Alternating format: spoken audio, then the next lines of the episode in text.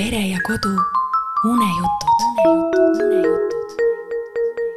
piraadipoiss Ahto ja kuldkalake Märt Saar. kord läks piraadipoiss koos isaga kalale. see oli nende mõlema meelistegevus. siis ei pidanud nad kodus midagi tüütut tegema, koristama ega koolitükke tegema.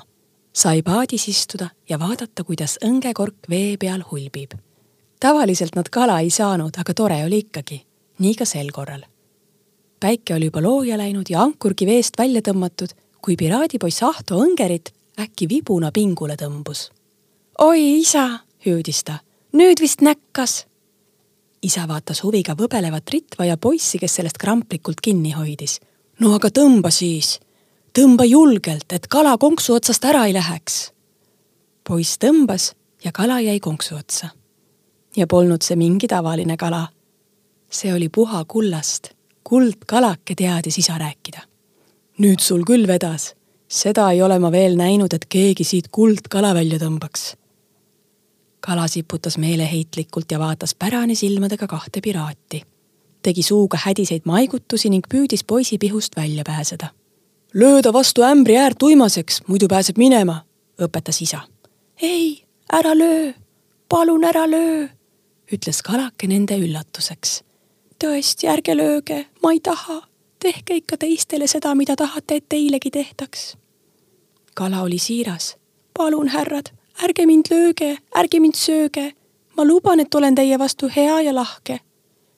poiss küsis, kuidas kala rääkida oskab, aga kala ei vastanud. tal oli kiire vette tagasi. lihtsalt öelge, mida te kõige rohkem tahate ja seda te saate, lubas kalake. ütle sina, poiss, mida sa tahad ja seda sa saad oi, kostis Ahto ja vaatas õnnelikult isa. sellest rääkisid ta kõrgele kerkinud paksud kulmud. no ütle nüüd, mul nahk juba põletab, seletas kala. tal oli tõsi taga. poiss mõtles. ma tahaks, ei, mitte seda, seda on liiga vähe. ma tahaks, ei, see ka nagu ei sobi. kas mina saan ka midagi soovida? küsis isa jaa, loomulikult sina ka, aga palun kiiresti, mul igalt poolt kõrvetab.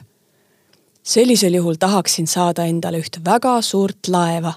seda sorti, mis vähemasti sada meest peale mahutab ja millega saab ka suurimatel vetel seigelda. kas sa oled kindel, midagi muud ei taha? ei oota, las ma mõtlen veel natuke, ütles isa. sul on õigus. ma tahaksin ikka midagi paremat. mõtle siis veel, aga palun kiiresti poiss, kuidas sinuga on? ma tõesti ei pea enam kaua vastu. ja, jah, vastas Ahto. välja mõtlesin. ma tahaksin, et ma ei peaks enam kunagi koolis käima. see on nii tüütu. saab tehtud, vastas kala ja taevas sähvatas. paistis, et midagi oli ilmaruumis muutunud. ja sina, suur mees, mida sina tahad?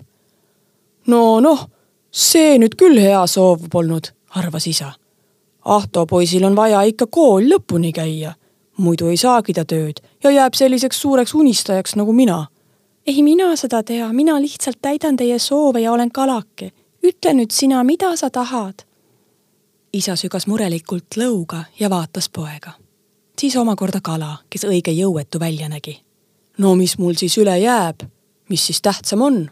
kas minu suur laev, millest ma terve elu olen unistanud või üks korralik poiss, kes kooli lõpuni käib ja kellest täitsa mees saab.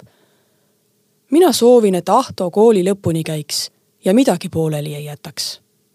taevas sähvatas taas. tehtud, kostis kala. nüüd palun laske mind vette, minu töö on tehtud. ja ega Ahtol ja isal muud midagi üle jäänudki, kui kala vette tagasi lasta. ei saanud nad sel päeval ühtki kala koju viidud. ei saanud Ahto kooli pooleli jäetud ega isa oma kaua unistatud laeva. küll aga said nad loo, mida teistele edasi jutustada